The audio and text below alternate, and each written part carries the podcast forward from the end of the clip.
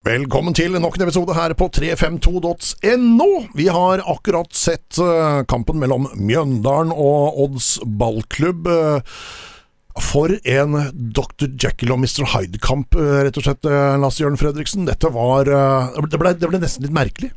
Ja, det gjorde det. Det var en uh, første gang som vi følte Odd hadde ganske god kontroll på. Vi var heldige å få et mål der ved Makani bomma jo på, på ballen og den rulla inn, men Odd hadde 54% possession og egentlig hadde gode muligheter. og Følte at de hadde kontroll. Går ut i annen omgang, får 2-0-skåring der ved Bakenga på straffe. og Da tenker vi at dette her går veien, men på Konsto Arena så kan du aldri være trygg. Eh, da endra kampbildet seg. Vegard Hansen bytter en to spillere først, så to til.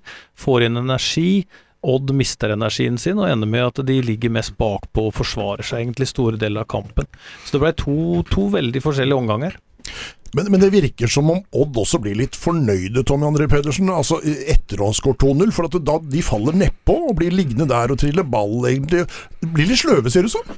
Ja, og det er akkurat det jeg tror skjer, og det er, det er, lett for at det kan skje. Altså, Vi sitter jo her i studio og ser kampen og, og føler Odd har full kontroll når det blir 2-0, og jeg sa det vel også at jeg har ingen tro på at, eh, at Mjøndalen kommer tilbake fra det her. Og det er kanskje litt sånn det sniker seg inn i, i huet på Odd-spillerne også. De blir litt vel fornøyde og, og senker seg kanskje litt ned i forhold til konsentrasjon og tempo. Og så så gir de bort ballen i høyt, altså farlige posisjoner, da, hvor Mjøndalen får gunstige brudd høyt på, på Odds banehalvdel, som gjør at, at Mjøndalen skaper én stor sjanse og skårer ett mål. og det er klart at da Eh, får jo Mjøndalen den energien som de, de ønska, ikke sant. Da får de trua på at det her kan gå. Eh, og derfra ut så er det jo Mjøndalen som, eh, som styrer kampen. Og Odd blir litt passive, og det er litt farlig når du på en måte føler at du har styrt kampen og har kontroll, og så skal du legge deg lavt, og så, så er det lett for å bli passiv i det lave presset, og det er skummelt. Det er, det er fint å ligge lavt, men da må du ha aggressiviteten oppe. For eh, dette byttet med, med Ibrahim Jørn, den, eh, den, eh, den, funker for Vegard Hansen. Din tidligere kompis. Ja, Eller kanskje ikke tidligere kompis, men tidligere lagkamerat? Ja, det stemmer det.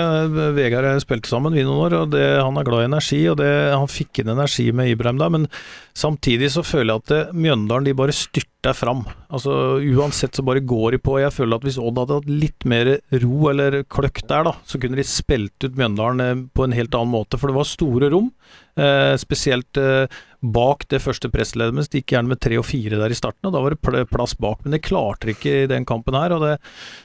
det, det syns jeg var litt synd, for de kunne egentlig spilt seg til gode muligheter sjøl, da. Men eh, så er spørsmålet om de hadde evner i dag, eller at de orka. Eh, og vi snakka om det med 2-0-ledelse og fleipa litt med Drillo-uttalelsen at 2-0 er en farlig ledelse, men det er klart at den er farlig i den forstand at du kanskje blir litt mer eh, avbalansert enn hvis du leder 1-0, for da føler du at noen puster deg litt i nakken. Så det er jo der det kommer inn det uttrykket. Det er jo mye mer bedre å lede 2-0 enn 1-0, selvfølgelig, men allikevel, det, det kan hende det sniker seg en sånn tanke om at ok, det her er trygt. Og det, det så litt sånn ut på det i dag. Og så virker det som om det blir to spisser der en stund, som Odd må forholde seg til. At han legger om litt i, i, i formasjonen.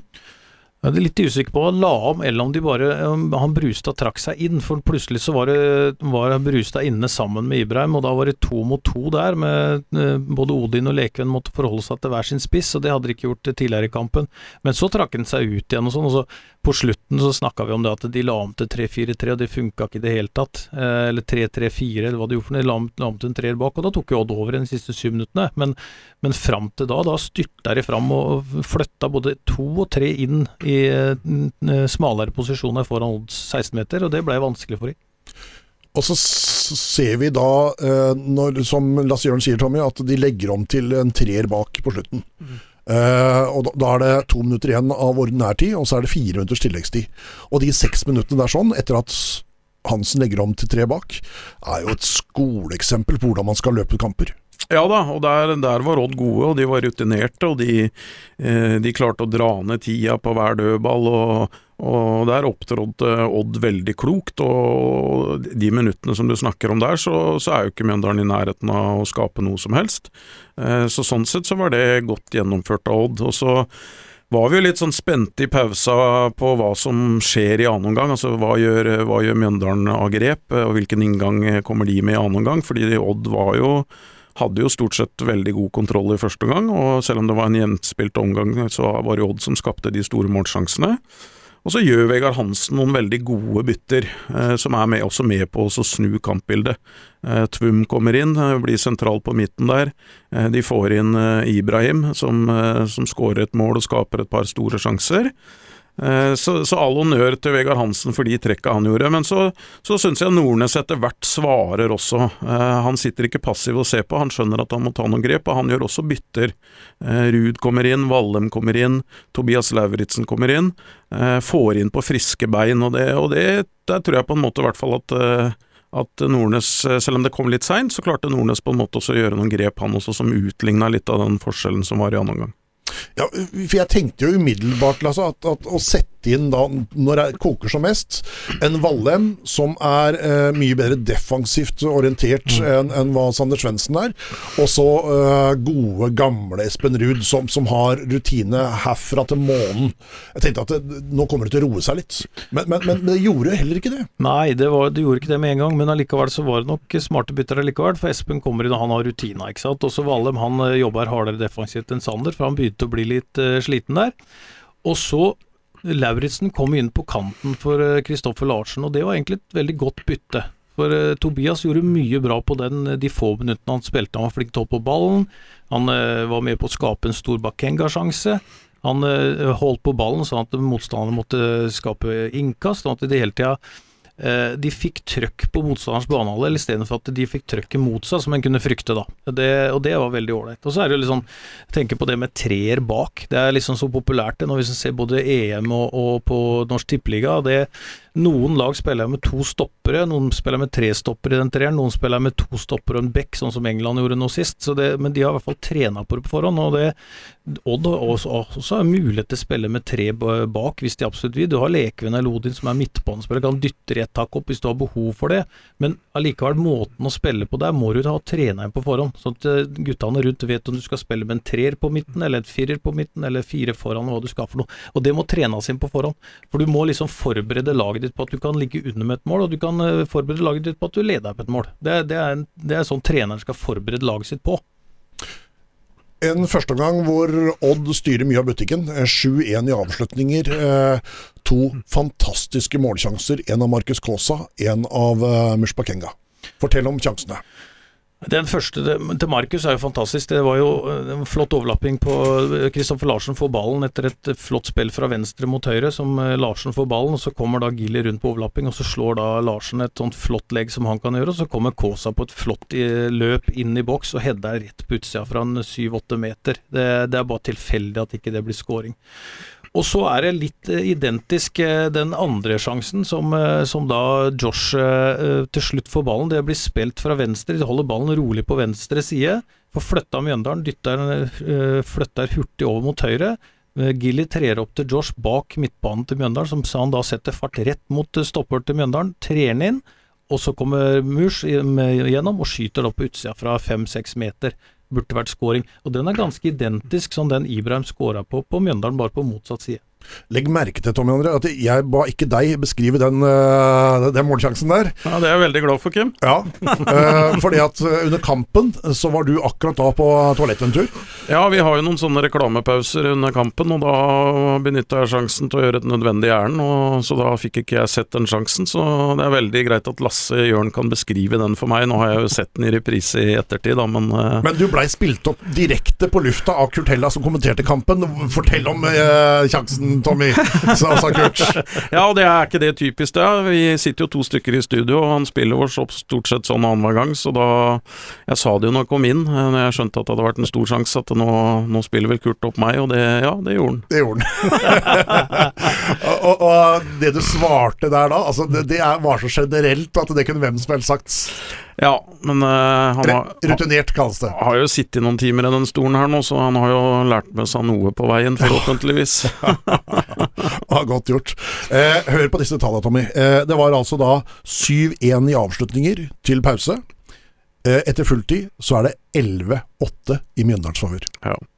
Og det er, det, det er altså 10-1 i avslutninger i andre omgang i favør Mjøndalen. Ja, og det er jo som engelskmennene sier, a game of two halves. Uh, så det er jo klart at det var to helt forskjellige omganger. Og det, det er jo det som er uh, gøy med fotball. Da. Det er, du vet aldri hva som skjer. vi har jo sett det mange ganger, at du kan ha full kontroll i én omgang, og så snu kampbildet fullstendig i andre omgang. Og det er klart det blei en uh, tung uh, kveld for Odd, uh, men de klarte å ro det i land og få tre viktige poeng. og det er, det er, på en måte det som teller.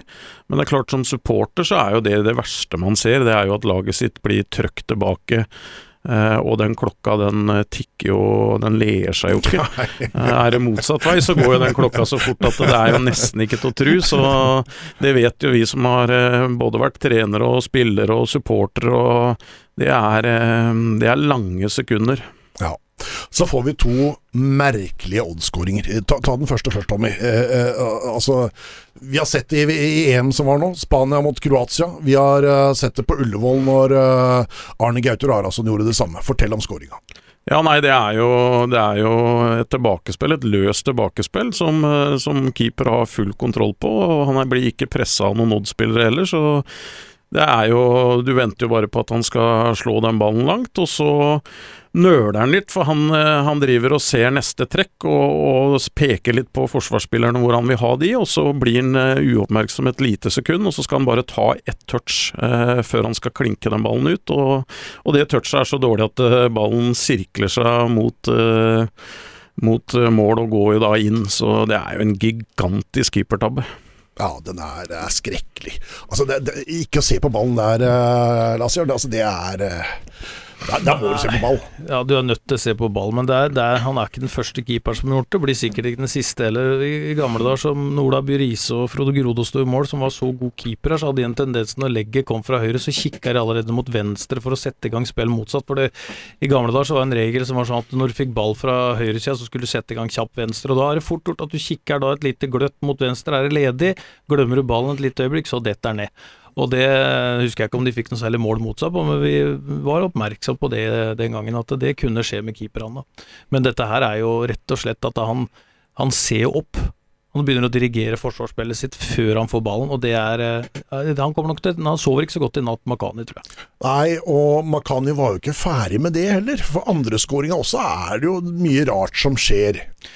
Ja, altså Det er jo egentlig et veldig godt oddspill, og så kommer et flott innlegg fra Larsen igjen, tror jeg det var. og Da, mm. da er det Makani som jeg stussa på, hvorfor går han ikke i med hendene? Men da sparker han ballen da, rett opp i hendene på en forsvarsspiller som står rett foran seg, istedenfor å hive seg ut og ta med hendene, som hadde avverga hele greiene.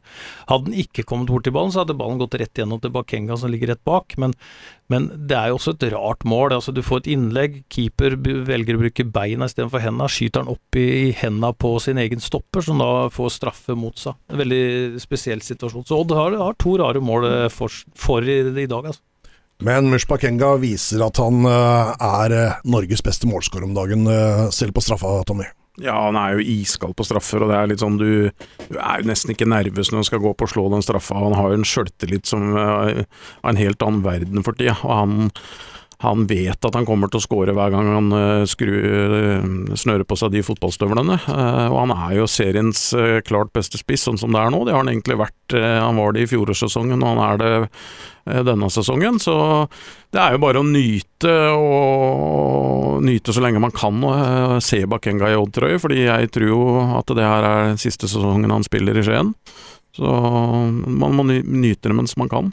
Ja, ja. Det, det, er, eh, det finnes nok av klubber der ute som er interessert i å få inn en som har skåret 24 mål på 26 starter. Ja, og det er litt sånn, det er litt enkelt i fotball. Altså det, det, enkleste å selge, eller på en måte hvis du sånn som han, da, som utløper en kontrakt, det enkleste å få en ny klubb er jo hvis du er en spiss som, som har eh, tallene i orden. Det er, jo, det er jo det enkleste som fins. Det er verre med, med, kanskje med en keeper eller en forsvarsspiller, eller Men skårer du eh, sånne tall som eh, Bakenga viser nå, så, så er det klart du får tilbud fra utlandet. Han har altså da Målsnittet hans er altså da 24 eh, på 20 Det er 0,88. Altså det er eh, Eller 0,89 faktisk, eh, Lasse Jørn. Altså det er elleville tall. Det er ingen Odd som har hatt det noen gang. Men er det, det er på starter, selvfølgelig? For jeg Ja, mener det er på inne- starter. Ja, ikke sant? Det Det er er på starter. For han var opptatt av det at eh, det var noen av kampene han hadde kommet inn på som innbytter. Men det er sånn De åtte første kampene så var han innbytter. Ja, stemmer. Eh, Men det er jo sånn med, med folk som har sjøltillit og de skåra mye mål, så, så har du trua på at uansett hva slags sjanser du får, så vil du sette det. Altså det hvis du tar og overfører til EM, da. altså Emil Forsberg på Sverige så har vært fantastisk i kampene. Han skyter, han dribler av folk, og han har skåra fire mål. og det Han er i flyt, selvtillit. Mbappé derimot, ikke selvtillit i det hele tatt. Har ikke skåra et mål i EM. Bommer selvfølgelig en alvorlig straffe, eller den, den viktigste straffa. Det kan jo være litt tilfeldig, litt sånn stjernene gjør òg, men altså, du, er du i flyt, så skårer du og skårer du og truper og bommer en gang, så blåser du det. Du, du bare fortsetter. Derimot, hvis Bakenga får seks, syv, åtte kamper uten å score, da vil nok nervene hans også bli litt frønsete. Ja, det tror jeg ikke kommer til å skje i år, at han får en seks, sju, åtte kamper uten å score.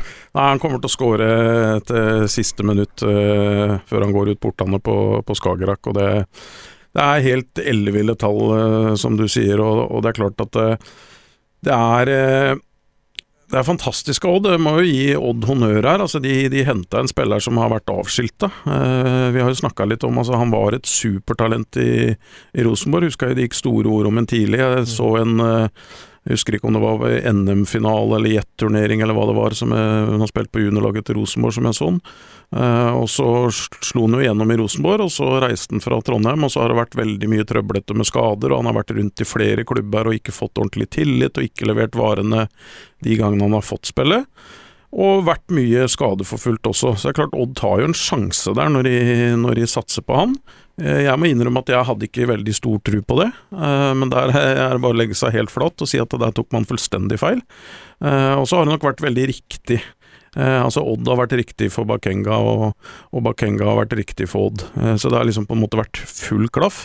Men Odd skal jo ha ros for at de henta han, at de ga han tillit, og at han på en måte har blomstra under den tilliten. Da. Så ja, det er jo en fantastisk eh, signering, og så er det jo dessverre for Odd eh, synd da, at mest sannsynlig så kommer han til å reise fra Skien uten at de får noe igjen for han. Uh, og det Ja, hvis, er hvis ikke han blir solgt nå i europeisk overgangsvindu, som er åpen fra 1. juli til 31. august. Ja, det kan jo selvfølgelig skje, men så er jo da spørsmålet igjen, da. Knapper og glansbilder, selvfølgelig, da. Ja da, men det er jo Jeg tenker jo alltid det er bedre med tre millioner enn ingenting. Eh, men så er det jo igjen da en avveining, ikke sant. Nå, nå ligger Odd ganske høyt på tabellen, er i god flyt. Skal du da slippe han, eh, eller skal du satse på at han eh, fullfører sesongen og kanskje gir en mye høyere plassering på tabellen, som igjen gir kroner? Eh, Som igjen kanskje gir mulighet for europacupspill. Altså det er mange, mange variabler å ta med i regnestykket her, da. Skåret 9 av 13 skåringer for Odds ballklubb i år. Eh, Å, det er tungt å miste Lasse midt i sesongen. Ja, men det de gjorde i fjor òg. Da var det Torgeir hadde skåra og skåra for dem, og så valgte de å selge den til Rosenborg, for kontrakten gikk ut til jul. Så fikk de noen millioner for Torgeir. Og der kan du også se på en spesiell overgang, for jeg skjønner at Odd måtte selge Torgeir i fjor. Pga. at han ville ikke signere, resignere. Jeg husker ikke om kontrakta gikk ut i juli eller om det var til jul, men, men iallfall så, så valgte de å selge den. Eh, og da når Torgeir kom til Rosenborg, så blei det istedenfor å sette Torgeir inn i den rolla som han var kjent med Odd, bruke en for alt det har vært, foren med masse sjanser, da han fortsatte å skåre Rosenborg. Istedenfor så bytta de litt ut og inn, satt litt på sida, brukte han Islamovic, så ikke ut som gutta han løste foren med ball her. Her kom det en ny stjerne fra Odd. Det, det syns jeg var en veldig spesiell måte å ta imot en spiller på. Syns ikke det var fornuftig. Hadde de, hadde de brukt han som rein midtspiss der oppe, så er jeg sikker på Rosenborg hadde fått flyt. For Torgeir er en sånn spiller du kan fòre, og så, så skårer han mål. Og Det er samme som Bakenga nå. Hvis han kommer til en ny klubb, kan du ikke begynne å sette den på benken og sånn. Han er i flyt. Han må spille. Han må spille. Uh, jeg har regna om uh, ifra kamper til antall minutter som han har spilt. Uh, han skårer hvert 99. minutt for Odds ballklubb. Ja, det er, eh, det er sterke tall, altså. For det er klart at det, i, i fotball Det aller vanskeligste i fotball er å skåre mål. Eh, så det er klart at eh, da skårer du hver kamp, så å si. Og, det, er, eh, det er sterke tall, og det er klart at det er utrolig viktig for et lag som Odd. da. Og det er jo forskjellen nå, ikke sant. Vi har snakka litt om at Odd kanskje kunne få en tøff sesong. Nå ligger de plutselig veldig godt an på tabellen, og det er jo mye takket være Bakenga. Og både som spiller, trener, supporter, så er det utrolig deilig å ha en sånn spiss. For at når du reiser på kampen, så vet du at Bakenga kommer til å skåre mål. Og, det, er, eh, det er gull for ethvert lag. Ja, det er litt sånn som Sola var for Porsche i gamle dager. Ja, ja, ja. Du visste hvor mange kommer Sola til å score i dag? Ja, ja, ja. Og det er, eh, det er en eh, fantastisk følelse å ha som supporter. Når du, når du går på stadion så vet du at du har en spiss. For det er noe av det mest frustrerende med å være supporter, er jo at du har et godt lag som styrer kampene, men så har du en spiss som ikke skårer mål. Ikke sant? Og så blir det tre kamper uten scoring, og så blir det fem kamper, og så begynner det å gå på sjøltilliten, og så begynner media å skrive at han ikke skårer mål lenger, og så får han spørsmål om dette hver kamp, og da har du det på en måte gående. Ja, og uh, det er rart med sånne spillere, for jeg ble Tottenham-supporter pga. en spiss som, som, som skårte bestandig. Altså, Clive Allen var bare vi, vi lurte på Lese avisa på mandagen i VG. Hvor mange skårte Clive Allen i helga, Lasse-Jørn? Ja, han, var, han var fantastisk i hold med Tottenham sjøl, så det, det skjønner jeg godt. Det, Ni- 49 kasser der, altså. Ja, det kan du se. Jeg hadde Jimmy Grease i gamle dager som var Ja, god ja. spiss, og så kom det, de kom på løpebandsbånd der. Nei, eh, nei, det er sant det. Ha en god spiss er utrolig viktig, og, men samtidig så må den spissen ha noen rundt seg som kan fòre med de ballene. Og det, det er også, Der syns jeg Odd er ganske gode, for de er, de er bra med ball, og de har fått en fin eh, form på det de holder på med. Og, Og da må vi ta opp en spiller som egentlig eh, vi i eh, fotballstudio her har avskilta for lenge siden. Kristoffer Larsen begynner å se mer og mer og mer ut som en fotballspiller. Ja da, han, eh, han har jo gradvis han, kommet inn i, i laget. Han har jo brukt kanskje litt tid på å tilpasse seg måten han skal spille på i Odd, og litt hvordan han passer inn i Odd-systemet. Og så begynte han med noen innhopp som som var litt sånn eh, variable, syns jeg. Og så fikk han sjansen fra start, og nå har han jo starta flere kamper. Eh, og du ser jo at han har jo en, eh, en spisskompetanse da, i forhold til, til foten. Både i forhold til å slå de her avgjørende pasningene som han har gjort til Bakenga, men også i forhold til dødballer.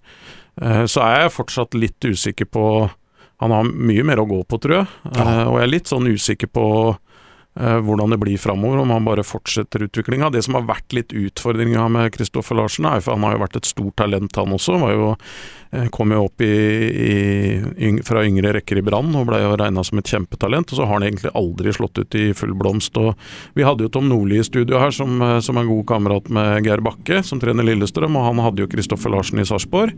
Og han sa jo det at Kristoffer Larsen var jo best på trening hver gang, men han fikk det ikke ut i kamp.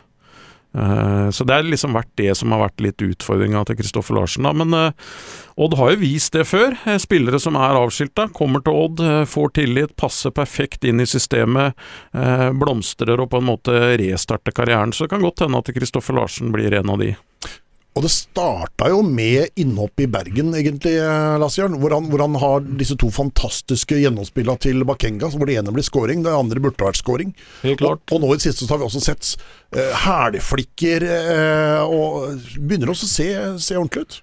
Altså jeg, jeg har tro på Kristoffer Larsen. Jeg syns jeg er enig med Tommy. Vi har snakka om den foten hans. Den er fantastisk bra. Den er bra brukbart tempo. Han forstår fotball, han skjønner det. Men han, han var ikke i form da han kom. Det, det var Verken han eller Sander Svendsen var i form. Og det, det må du nødt til å være. Altså Skal du spille tippeliga to kamper i uka, da må du være i form. Det må du orke. Og det, det tror jeg ikke de to var. Jeg, jeg tror ikke jeg tror ikke de var helt tipp topp shapa, kanskje til og med litt skrall, eh, skrall sjøltillit. eh, Og når du da får eh, sjansen og kommer inn på et lag som vinner, og du kjenner at du presterer, at du får mye et klapp på skuldra, guttene rundt, treneren er fornøyd med deg, det er klart at da begynner du å levere etter hvert. Hvis derimot noen hadde begynt å nikjefte på han, masse kritikk i avisa og sånn, da er det ikke sikkert han hadde prestert så godt. Men i Odd så er de ganske flinke til å ta vare på de guttene som kommer. De hadde en plan med han, og det, den tror jeg de følger, altså. Og jeg syns du sa det så bra under sendinga i dag også, Lars Jørn, at du kan se nå på Odd sine spillere og spillet deres at de begynner, det er et lag som begynner å komme i form. Flere spillere nå som melder seg på. Det syns jeg var veldig tydelig eh, mot Tromsø, spesielt. Selv om Tromsø hadde en 20-minuttersperiode som var ålreit, så var Odd eh, Du så det var kviknes i beina, de kom seg ut av trangsituasjoner. Det var, det var ikke noe hakkete pasningsspill. Eh, De slo pasningene akkurat passe vekta, de, de foran hverandre, ikke bak. Du stoppa ikke opp. Så jeg syns de har egentlig Det ser ut som de kommer sånn gradvis fint i form. Eh, ikke fornøyd med andreomgang i dag, selvfølgelig. Det er jo ingen av oss som er, selv om vi vinner kampen. Men, men, men eh, generelt så er, så er, det et lag som begynner å komme seg i form.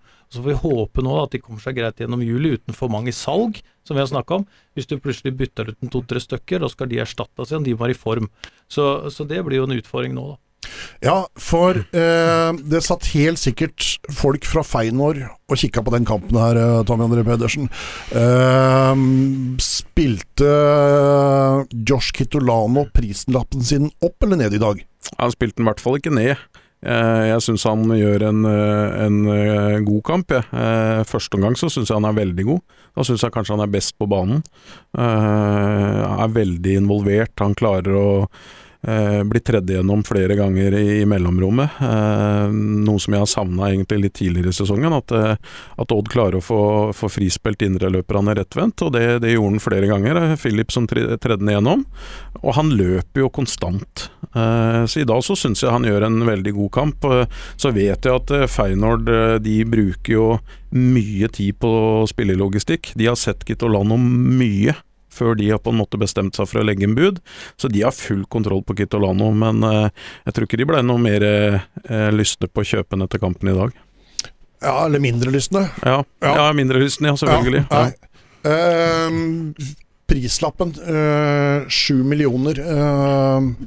ja, hvordan ser du på den, Lars Jørn? Nei, altså De prisene som er i fotballen er jo høye ute i Europa, men du må jo se hva er en, er en grei pris for en norsk fotballspiller fra Tippeligaen. Altså, tidligere så solgte vi vel eh, Fredrik Sem og, og Elba til Brønnby for fem millioner. Så ble vel eh, Rafik solgt til Fiorentina for ti, eller noe sånt. Så Josh eh, står vel ikke noe bak det, vil jeg tro. Men så er det jo vært korona, klubbene har kanskje ikke så god råd. Så Syv-åtte millioner kanskje kunne vært fornuftig, men det er jo videresalget som du snakka om her tidligere som kan være fornuftig her, da. Ja, eh, det var på sendinga, eh, men det er klart vi må ha med en videresalgsklausul der. Ja, det er nødt til å ha med, og det, det tror jeg de fleste klubber har med uansett. Og spesielt når trappetrinnet blir Norge-Holland, for det er et godt trappetrinn, Tommy? Ja, det, jeg tenker jo at uh Hollandsk liga og Feyenoord det er eh, helt riktig steg for eh, Kitolano. Eh, det er noe med Vi har sett det tidligere, når du på en måte går direkte fra Norge til de, de større ligaene, så, så, sliter man veldig med, med spilletid og, og, blir som regel ikke værende lenge. Det er viktig å på en måte ta et mellomsteg, og jeg tenker at nederlandsk eh, fotball eh, er et perfekt utstillingsvindu. Det er, en, det er, en, veldig bra eh, liga. Det er en liga som spiller offensiv, teknisk fotball. Eh, og Feyenoord er jo en klubb eh, som eh, Ajax eh, som satser på unge spillere. Altså De ønsker å kjøpe unge spillere, utvikle de og ha de i laget noen år, og så selge de dyrt til, til større ligaer. Så det er et perfekt utstillingsvindu. Det er utrolig mange spillere som blir solgt fra nederlandsk fotball til Serie A eller til Spania eller til Premier League. Så hvis du skal tenke for spillerens del, så ville jeg vært veldig lysten på en overgang til, til nederlandsk fotball. Eh, for det tror jeg er helt riktig steg, eh, og de gir unge spillere tillit. Og så er jo Feyenoord er jo en kjempestor klubb, med masse tradisjoner og en fantastisk tilhengerskare. Og stadion, da! Det ja, badekaret! Helt fantastisk. Og, så det, det måtte jo vært en drømmeovergang for Kitolano. Altså, jeg har vært på The Corp to ganger. Uh, første gangen, da skårte Steffen Iversen uh, mål mot Spania i EM i 2000. Andre gangen jeg var der sånn, så tapte Oddsorg grein etter mot Feinor. Ja. Uh, men det Feinor, er morsomt å si det, Tommy, for det Feinor-laget som Odd spilte mot den gangen, det tok jo ikke mange åra før du så alle de spillene som Odd hadde spilt mot der sånn, mm. ute i Premier League de aller fleste i Premier League og i, i Bundesliga. Ja, og det er, det er, ofte sånn det er. Og, øh, og, Jeg har også vært på The Coip, jeg var jo der når Steffen Iversen skåra samtidig som deg, Kim. Men det som er litt sånn artig, da, øh, i hvert fall jeg regner med de som sitter og hører på den podkasten her, er for det første glad i fotball, og for det andre glad i podkaster. Og da vil jeg komme med et lite tips. Det er en podkast som heter When We Were Kings. Eh, Erik Niva, en fantastisk svensk journalist, som har en podkast om Feyenoord. Den varer i tre og en halv time. Så sett deg godt til rette i sola, få plugga i øreproppene, og hør på den podkasten. When We Were Kings. Ja. Tre og en halv time, ja. Om Feinord. Altså det er mange episoder om forskjellige lag, men han har tre og en halv time om Feinord, og den uh, Den må du lytte på, Kim. Ja, skal, det skal jeg sjekke ut. Jeg skal sjekke ut, jeg lover. Eh, det var eh, Josh Kitolano. Eh, blir han solgt nå? Ja, det, det er ikke godt å si, eh, Kim. Eh, Det er litt spørsmål hva, hva klubben får av tilbud. Altså Får du et økonomisk tilbud du ikke kan si nei til, så, så sier de nok ja. Da tipper jeg de selger. eh, Og tenker at de har en backup i noen andre som de kan dytte inn på midtbanen. Så det blir jo en sånn sak for Tor Andersen og co. Det å finne ut hva de vil gjøre der, og Jan Frode hva han ønsker. Eh, kanskje han blir solgt etter sesongen, kanskje han blir solgt nå, hvem vet. Jeg vil tippe liksom Feinor kanskje vil kjøpe nå, for de skal inn i en ny sesong. Eh, Få med seg hele preseason og hele pakka. preseason, men jeg tenkte på det med nederlandsk fotball. Det er Du har Tronstad, du har Torsby, du har eh, Ødegård, du har han eh, Larsen i, i Groningen. Det er mange norske spillere som har gjort det bra. Har vært der og gjort ja, Ja. godt fram til skaden. Erik Nevland skåra masse mål Ja, i Groningen. De- og masse Halvard Thoresen, da, dere! Ja, ja. Fantastisk. Og så- har du da Torsby, da, som går fra der Heerenveen, eller altså videre ta til Sampdoria. ikke sant? Gjør det bra der. Rette steg, ikke sant. Fra nederlandsk æredisvisjon til Serie A. Det er jo Rafik var vel innom i Holland, han også? Ja da, han var på utlån der også. Og er det er en kul liga. altså Det er stor interesse. Det er mye folk på kampene. Det er stor stemning. Det er, det er, Nederland er jo et fotballand.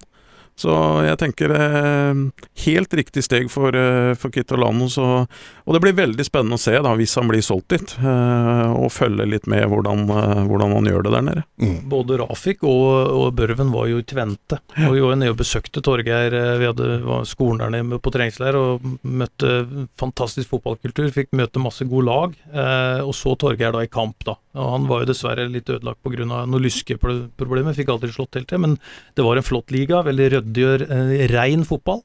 Veldig pasningsbasert fotball. Så det har en viss teknikk, så klarer du å levere godt der nede. Og så er de gjennomført profesjonelle i det de driver med. Jeg har sett eh, utviklingsplanene til Feinor. Det er noe av det beste jeg har sett. Jeg husker jo det, nå er vi litt tilbake i tid da, men eh, prøvespill i PSV Einhofen. Steinar Berg, Erik Pedersen, eh, Tor Arne Sanderholt og Bjørn Heidenstrøm.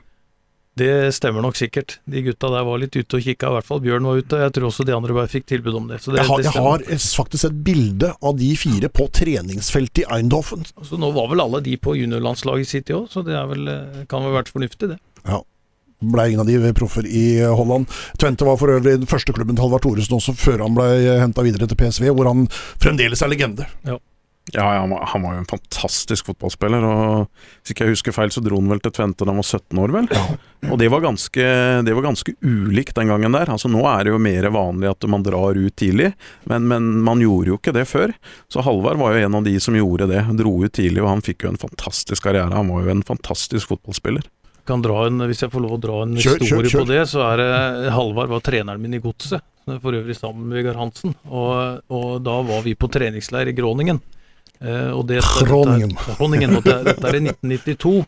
Og Halvard var altså helt sjef der nede. De, eh, han måtte skrive autografer uansett hvor han kom. Og når vi var på fotballbane på, så på Groningen mot Tvente, så kom eh, da masse supportere samla seg rundt den og sånn. Så han var, han var innmari stor der nede. Ja, da hadde han akkurat lagt opp også. Ja, det var ikke lenge før, eller lenge etter. Så han, han var en stor uh, fotballpersonlighet i, i, i nederlandsfotball. Altså. Er det ikke fremdeles den utlendingen som har skåret flest mål i, i æresdivisjonen? da? Ja, Det har jeg ikke helt oversikt på det, altså. men uh, det kan godt hende. Han hadde i hvert fall en helt, uh, helt fantastisk fotballkarriere. Ja. Uh, en av få nordmenn som har over 50 landskamper som aldri har spilt i den norske toppdivisjonen. Ja, det, det husker jeg vi, vi holdt på med en sånn quiz i mange år. Ja. Nå er det så mange år siden at jeg husker ikke helt også, men det var vel seks spillere da som hadde, Ja, som hadde landskamper som aldri hadde spilt i en norsk eliteserie. Ja. Hans Herman Henriksen. eh, Jon Arne Riise. Jon Arne Riise. Men han har jo ødelagt for oss! Han, er, jo- han har jo eliteseriekamper nå. Ja, det er helt Alf riktig. Inge Haaland. Alf Inge Haaland. Bryne. Bryne. og så lurer var jeg- første divisjon. Også Dan Eggen, kanskje. Ja, Dan Eggen. Dan Eggen, ja. Ja, ja, ja. ja. Fremad Amager, eh, blant annet. Eh, Celta Vigo. Eh, masse klubber. Han var herlig fotballspiller. Dan Eggen var en fantastisk type, og fotballspiller. Han kom jo inn, eh, kom jo inn i, under Drillos. Ja. Så, men nei, Dan er jo en, en glimrende type, en litt spesiell type, men eh, er en herlig fyr. Og for et hår. Ja, spilte for øvrig mot Odd i 1990 eller 89 på Reddy. Sier du det? Gjorde han det? Ja, har bilde av meg. Fantastisk. Fantastisk. Det er jo bare helt, helt vidunderlig. Ja, nydelig manke. Hva kommer vi til å sitte igjen og huske etter eh, kveldens oppgjør eh, mot Bjøndalen, uh, Lasse Jørn? Nei, vi kommer til å huske, Dessverre for Makani, så kommer vi til å huske Makani. Eh, og så kommer vi til å huske et, eh, en ålreit første omgang. Eh, vi kommer til å huske et Odd-lag vi, vi beit negler her i annen omgang. Så vi får håpe at de rister av seg annen omgangen og så går ut mot Rosenborg med fullt trøkk og mye mer intensitet og engasjement enn det de hadde i annen omgang. Um, det er det jeg sitter og tenker på. Men nå er det altså da kun tre dager igjen, eller eh, fire da, eh, til søndagen. Da kommer Rosenborg til eh, Skagerrak Arena, Tommy. Vi skal kommentere kampen annet sammen her i studio, sammen med Kurt Sem. Vi sender Kurt Hella på stadion som skal kommentere alt sammen, så kjører vi build-upen og kommenterer underveis. Hva tenker du om et Rosenborg-lag som ser litt sånn ja, det er ikke noe Rosenborg-lag vi kjenner igjen. Altså Har fire kamper på rad nå uten seier. Eh, har tre strake tap før de fikk eh, en uavgjort mot eh, Haugesund eh, i går. Ja, nei, det det er et Rosenborg-lag som, eh, som sliter. Eh, De er ikke i form, og de har en trener nå som har bestemt seg for å slutte som fotballtrener etter eh, sesongen, så de må ut på trenerjakt igjen. Så det blir også et spørsmål om eh, hvordan det påvirker inngangen til, til Rosenborg. Eh, så det er jo et eh, Odd-lag som er i, i form, kjempeform faktisk. Eh, og så er det et Rosenborg-lag som, eh, som ikke er i form. Så, så det blir utrolig interessant møte. Og det er jo Sånn er det jo over hele landet. Eh, Det er alltid litt sånn ekstra moro når Rosenborg kommer på besøk, selv om ikke de er i nærheten av de høydene de var under eh, alle de åra under Nils Arne Eggen, så er det fortsatt en, en eh, stor klubb, og en klubb som alle liker å slå. Så det er noe ekstra når Rosenborg kommer på besøk, og det er klart at her tenker jeg at Odd har alle muligheter og kan gå inn med en veldig offensiv tankegang inn mot den matchen.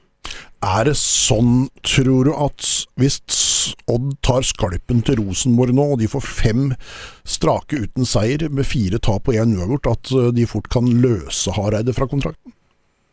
Det kan jo selvfølgelig skje. Eh, Det, det som på en måte det avhenger av, er jo litt hvor langt eh, Rosenborg har kommet i den prosessen. For det er klart at de har jo nå venta på at Hareide skal gi et svar, om han skal fortsette eller ikke.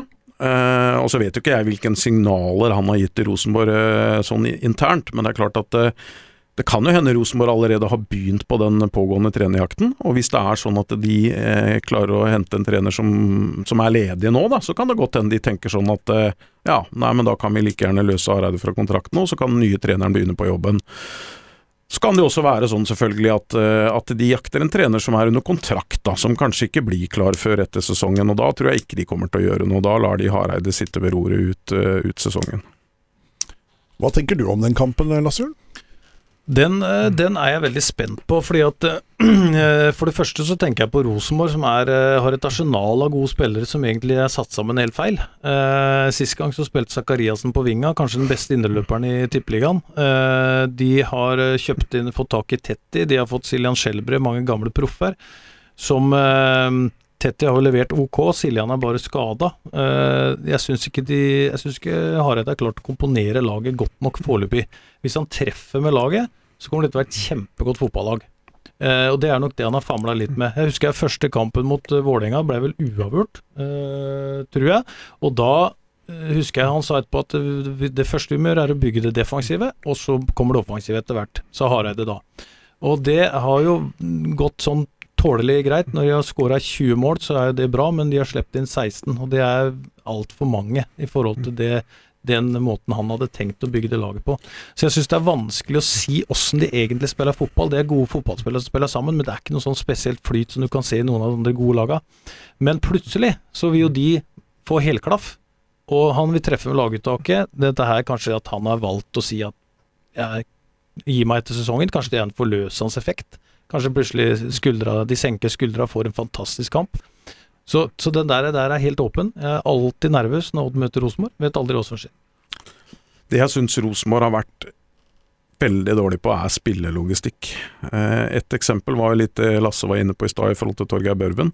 Altså Da henter man en rein eh, målskårer. Eh, og hvorfor henter de han? Han får jo spille de første par kampene. Og så blir han satt på benken, og så blir han satt på kanten. Eh, og da, da, skjønner jeg ikke hva tankegangen bak den overgangen var. Eh, og det ser, det ser, vi også denne sesongen. De henter Hoff eh, fra Odd. Han har spilt anker et par kamper. Da syns jeg han har vært helt outstanding for Rosenborg. Knallgod. og så henter de da Siljan Skjelbre og Tetti, som er over the top. Eh, og også skadeforfulgte. Og så ender det da med at de, de, de flytter på, på Webern Hoff ut som indreløper for å få plass til Skjelbreid som, eh, som, anker, og for å få plass til Tetti som anker etterpå. Det skjønner jeg ingenting av. Fordi Hoff har ikke vært så god som indreløper for Rosenborg som han har vært for, som anker. Og Hoff er jo en ung spiller som de har henta, og så må han da vike plass fordi at eh, eh de spillerne som kommer tilbake, de er 5-6-37 år, skadeplagga, skjønner jeg ingenting av. Det er merkelig. Det er uh, rett og slett merkelig. Men uh, uh, gutter, tenk dere Den beste spissen i Norge akkurat nå, som blei pælma ut av Rosenborg. Tror du ikke han har lyst til å senke gamle lagkamerater, eller? Han gleder seg som en unge når han sitter på bussen nå på vei hjem fra Mjøndalen og bare tenker på den kampen. Han gleder seg enormt. så det blir, det blir jo kjempegøy å se. Han kommer til å fyre på alle sylindere, det gjør han jo hver gang for så vidt, men han kommer til å ha ekstra gnist når han går ut der nå. Eh, kjenner jo masse av gutta på, på Rosenborg-laget, eh, og det blir helt sikkert sendt noen meldinger hit og dit i forkant.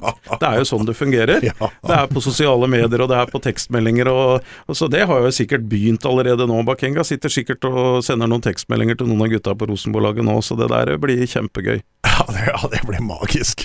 Altså, eh, Den kampen har jo egentlig alt, Lasse Jørn. Jeg gleder meg som et barn. Ja, det gjør jeg jo. det er helt fantastisk. Det er mange, mange ting inni der. og Du har Hoff også, som går tilbake igjen til Odd og gjerne vil vise at han har gått til en bedre klubb. Eh, det er jo sånn det er. Samme som Fagermo kom med Vålerenga i fjor og tapte. Det, det, er jo ikke artig, det. Hvis du går for et nivå du tror er lavere enn det du går til, så håper du på at du skal vinne kampen. Så det er, det er mange faktorer i den kampen her som er verdt å se på, da. Uh, men, uh, men uh, altså, den, den, er ganske åpen, den matchen. Det er to lag som ligger nei, på tabellen. Nei nei nei, nei, nei, nei, Ikke det, nei. Nei. Her blir det hat trick av Mush Bakenga. Én straffe ja. og to, to, gjennomløpninger, må du ikke tenke på. Nei, nei, nei. Så, også et skjærmål av André Hansen. ja, som også er tidligere Odd-spiller, selvfølgelig. Jeg må ikke glemme det. Uh, vi gleder oss, Tommy. Det blir, eh, det blir, morsomt. Ja, det blir kjempegøy. Jeg gleder meg som bare det sjøl. Det, eh, det, blir kjempegøy. Og jeg holder faktisk uh, Odd som litt favoritter. Jeg er ikke like skråsikker som du er, Kim. Uh, det blir nok en jevn kamp igjen, som, som vi snakka om før kampen i dag også, mot Mjøndalen. Altså det, de fleste kamper i Eliteserien er jevne. Det er slutt på de her kampene hvor du, det ene laget er veldig mye bedre enn det andre. Mye jevne kamper, og det tror jeg det blir igjen. Men jeg ut ifra form da, og den sjøltilliten Odd har spilt eh, på seg nå, så, så, holder jeg Odd som eh, knappe favoritter, selv om Rosenborg er nok eh, favoritter på oddsen. Ja, det tror jeg dere er rett i.